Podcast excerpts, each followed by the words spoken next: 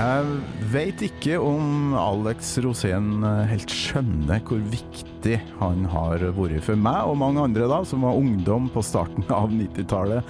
Alex visste oss jo at uh, alt var lov. Alt var mulig på, uh, ja, i sine programmer på NRK.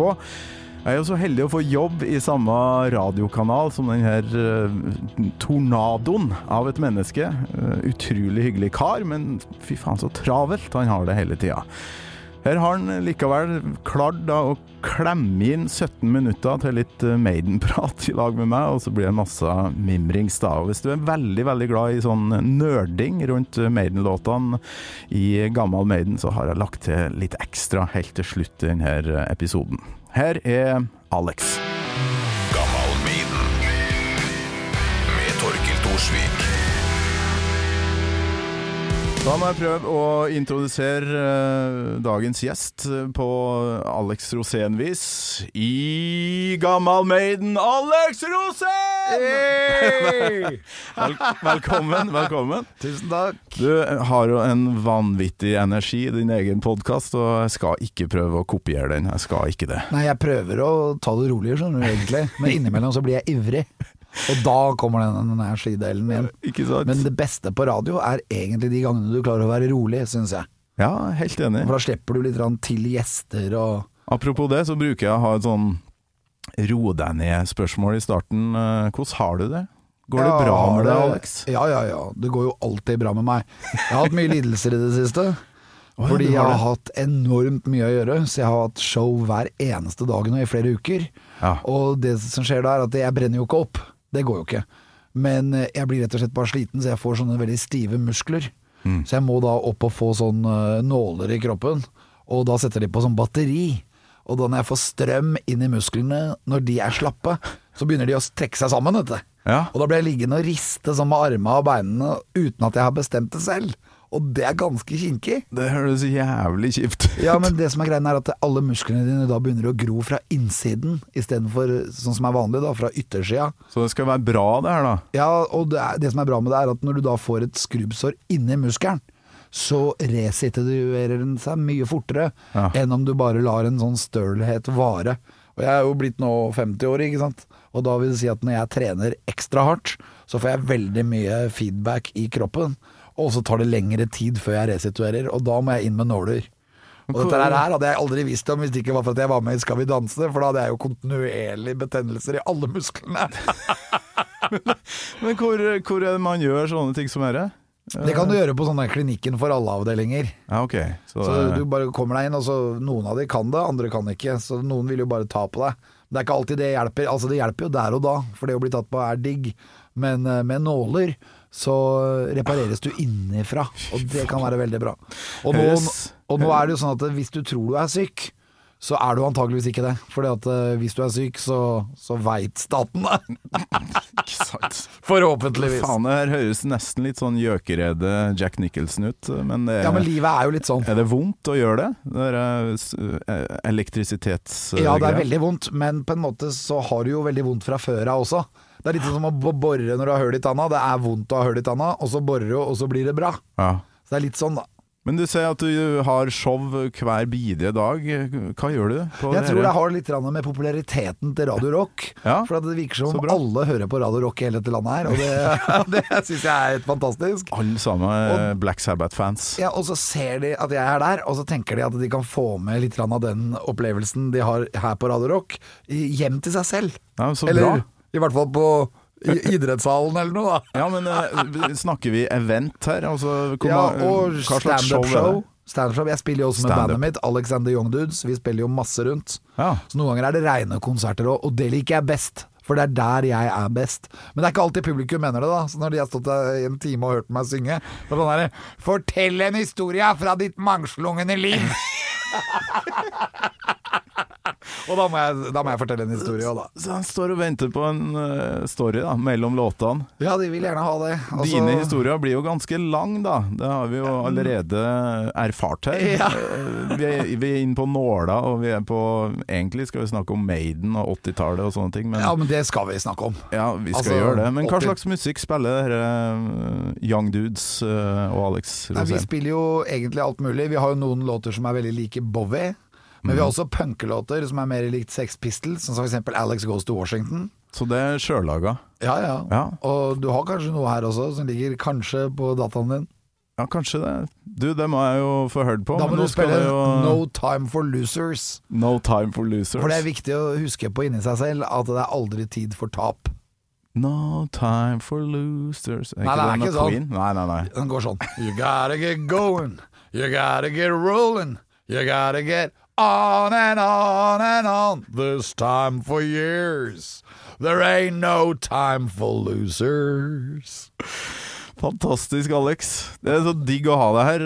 Um, Nå skal det handle om Maiden. Husker du første gangen du um, hørte uh, Iron Maiden? Ja, det var i 1980 eller 1981 Det var når Kiss kom til Oslo det året Og de spilte oppvarming for uh, Kiss Ja.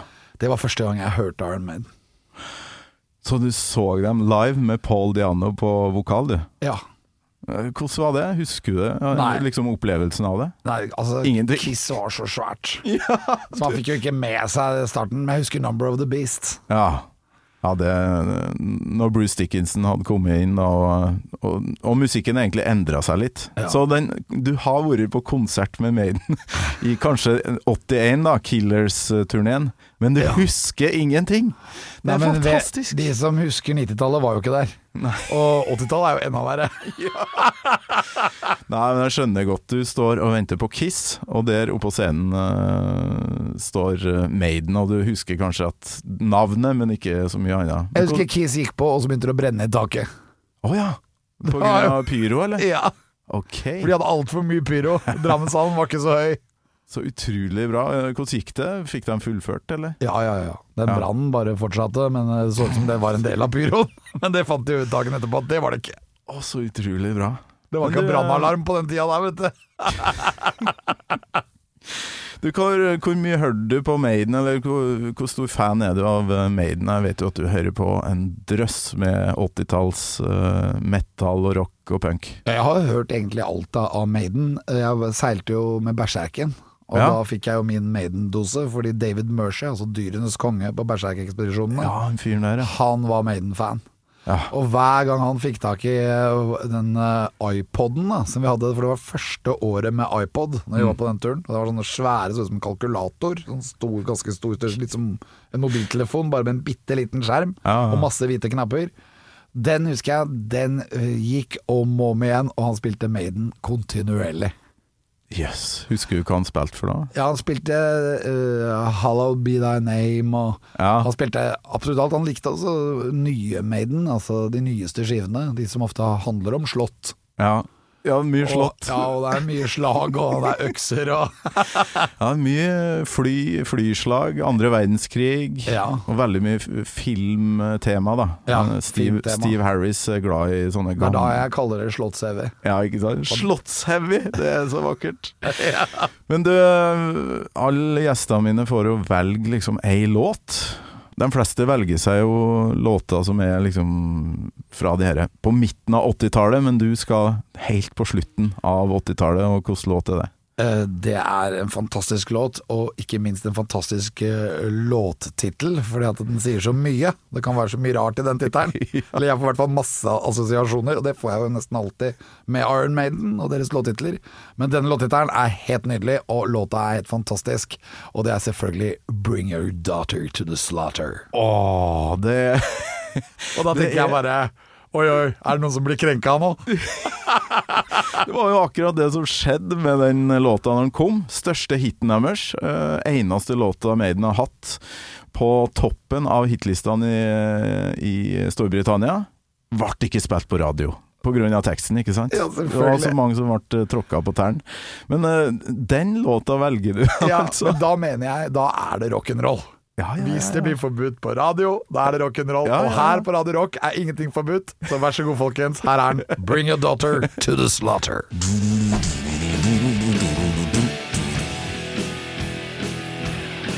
Men du, vi må snakke om uh, de andre bandene du hørte på, da. I, hvis eh, Maiden var liksom på spillelista, eller på uh, kassetten din på 80-tallet, så uh, hva var det du hørte på i tillegg? Eh, Jeg hørte jo på veldig mye punk, jeg. Men jeg hadde veldig mange kompiser som var uh, ordentlige metal-fans. Og i den avdelingen så var det jo de tidlige Metallica-skivene. De var jo Ja. absolutt der. Jeg husker veldig godt Manowar. Ja, ja, ja. Det var liksom i samme draget. ja, ja, ja. Wasp. Så du, ja, Wasp, ja. Wasp var også i det draget der. Ikke minst så var jo uh, Black Sabbath på en måte oppløst. De, de samla seg jo igjen seinere. Ja. Men Ossie hadde blitt soloartist. Ja, det hørte du sikkert mye på. Ja, Bark at the Moon. Ja. Den plata. 'Journey to the Center of Eternity'. Nydelig. Og så må vi ikke glemme Motorhead. ja. De var i samme draget. Så klart. klart. ACDC også. Mm. Dio. For en, for en kassett. Høres Ja. ut som den beste kassetten ever Du ever. spurte jo om de årstallene. Ja, ja, ja, Og da er det jo kanskje det beste årstallet ever når det kommer til den type musikk. Når plater Når du faktisk tjente penger på å lage plater. Ja, det er helt vilt. Men sånn før du dukka opp i livet mitt på skjermen med sånn gulljakke og Elvis-briller og var verdens kuleste fyr, gikk du rundt i sånn uh, dongerivest med, med metallmerke på ryggen og sånn? Det gjorde du- jeg, men ikke på den tida. For da er vi litt seinere. Da er vi på slutten av 80-tallet, ikke Ja. starten. I starten av 80-tallet, da var det dongerijakke og ACDC og Saxon og Led Zeppelin og alt mulig bak på den eh, jakka. Ikke sant? Eh, Men det endra seg når jeg begynte på videregående skole. Så gikk jeg fra egentlig å være metal-fan etter at eh, jeg hadde vært på Thin Lizzie-konsert i Drammenshallen. Som var en fantastisk eh, bra konsert. Ja. Og så spilte Queen, og så ble det til at jeg plutselig oppdaget uh, punken.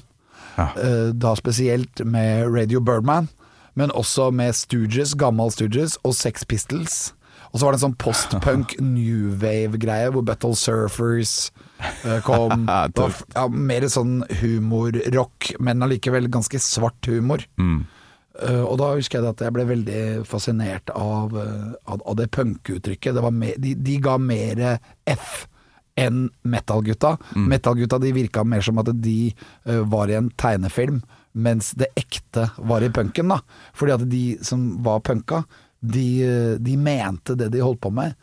eh, på en litt annen måte. Altså Ofte så kasta de glass i trynet på hverandre, og blodet rant, og du hadde Gigi Allen som var helt sinnssyk, ikke sant. Og så hadde du uh, punkeband som var uh, veldig bra. Og eh, mitt favorittband er jo Radio Birdman. Det er jo det er et sånt band som uh, De drar på så bra rock'n'roll, og det svinger så enormt. Samtidig så har de den derre Stooges-punken i bunn. Og Fra du- Australia, som da eh, ble oppløst når Var Ja, før 80. Ja, ja, det var før 79 eller kanskje 80. Mm. Noe sånt. De ga ut to skiver. Første Radio Appears, og så I94 etterpå. Med Eskimo Pilot og sånn. Og så forsvant de, og så dukket de opp som nytt band igjen. Da het de New Christs. Det var på en måte den samme konstellasjonen, med samme vokalisten. Og det låt ganske likt, kanskje litt dårligere, men allikevel fortsatt veldig bra. Og de så jeg live. Men jeg fikk aldri sett Radio Birdman live, da. Det hadde jo vært drømmen. Det er drømmen. Ja. Jeg har tenkt på mange ganger, eh, Alex, du øh, var jo plutselig bare kjendis, for du var den råeste fyren på TV, ikke sant? Men eh, jeg har bestandig lurt på hva gjorde du rett før det skjedde? For det NRK var jo verdens kjedeligste kanal, og det var det eneste jeg hadde å se på. Det var vinduet mitt mot uh, verden, og så kom du inn og, og redda hele greia. Men hva gjorde du rett før? Rett før så var jeg liksom i den derre punkavdelingen i Oslo by.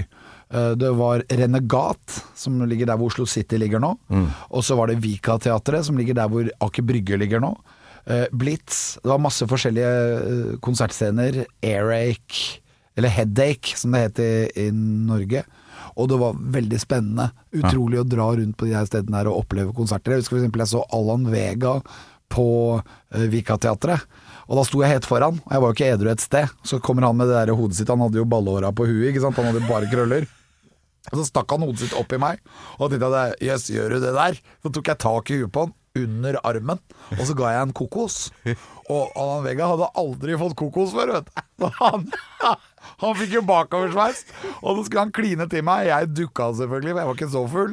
Og så vasa han ut, og så var konserten avlyst. Han spilte to låter. og det var så mange som var sure fordi han gikk av scenen, og alle skulle finne han som hadde gitt Allan Vega kokos. Men de fant ikke meg. Jeg forsvant i mengden.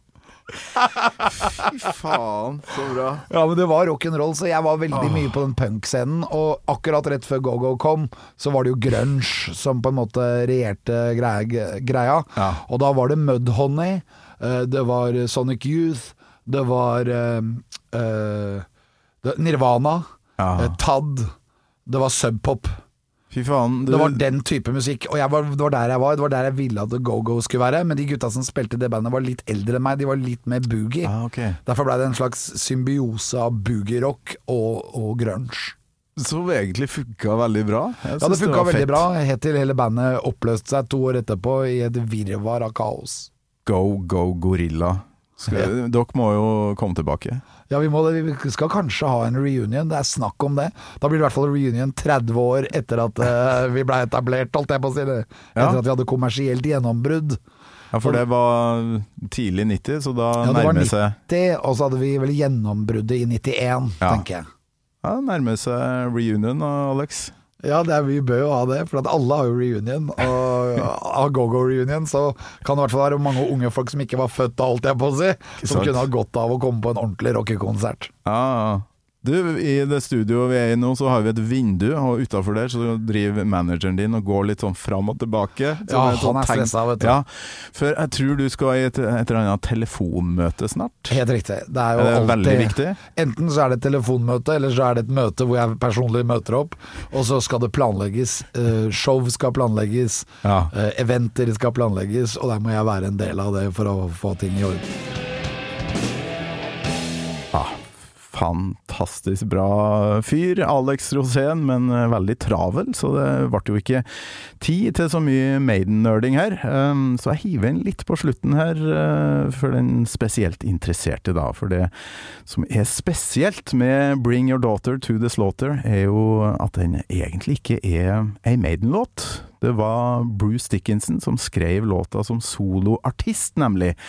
Og denne låta den ble eh, skrevet til filmen A Nightmare on Elm Street nummer fem, The Dream Child. Så den er faktisk utgitt på soundtracket til den eh, filmen i august 1989. Det som er ekstra artig, er jo at uh, Yannick Gears eh, spiller gitar på originalversjonen her, og, og på soloalbumet til Bruce Dickinson, Tattooed Millionaire. Og senere så ble det jo Yannick Gears, som kjent gitarist i Iron Maiden, da Adrian Smith dessverre ga seg. Tøff låt, eh, 'Bring Your Daughter to the Slaughter'. Såpass tøff at eh, Steve Harris fikk eh, overbevist bruseren da om å inkludere denne låta på albumet 'No Prayer for the Dying', som kom i 1990. Noe som resulterte i eh, Iron Maidens til dags dato eneste nummer én-hit i Storbritannia. Tusen takk for at du hørte på igjen. Abonner gjerne, og så mm, fram til neste tirsdag, da. Up the irons, folkens. Gammal Maiden med Torkel Thorsvik. En podkast fra Radio Rock.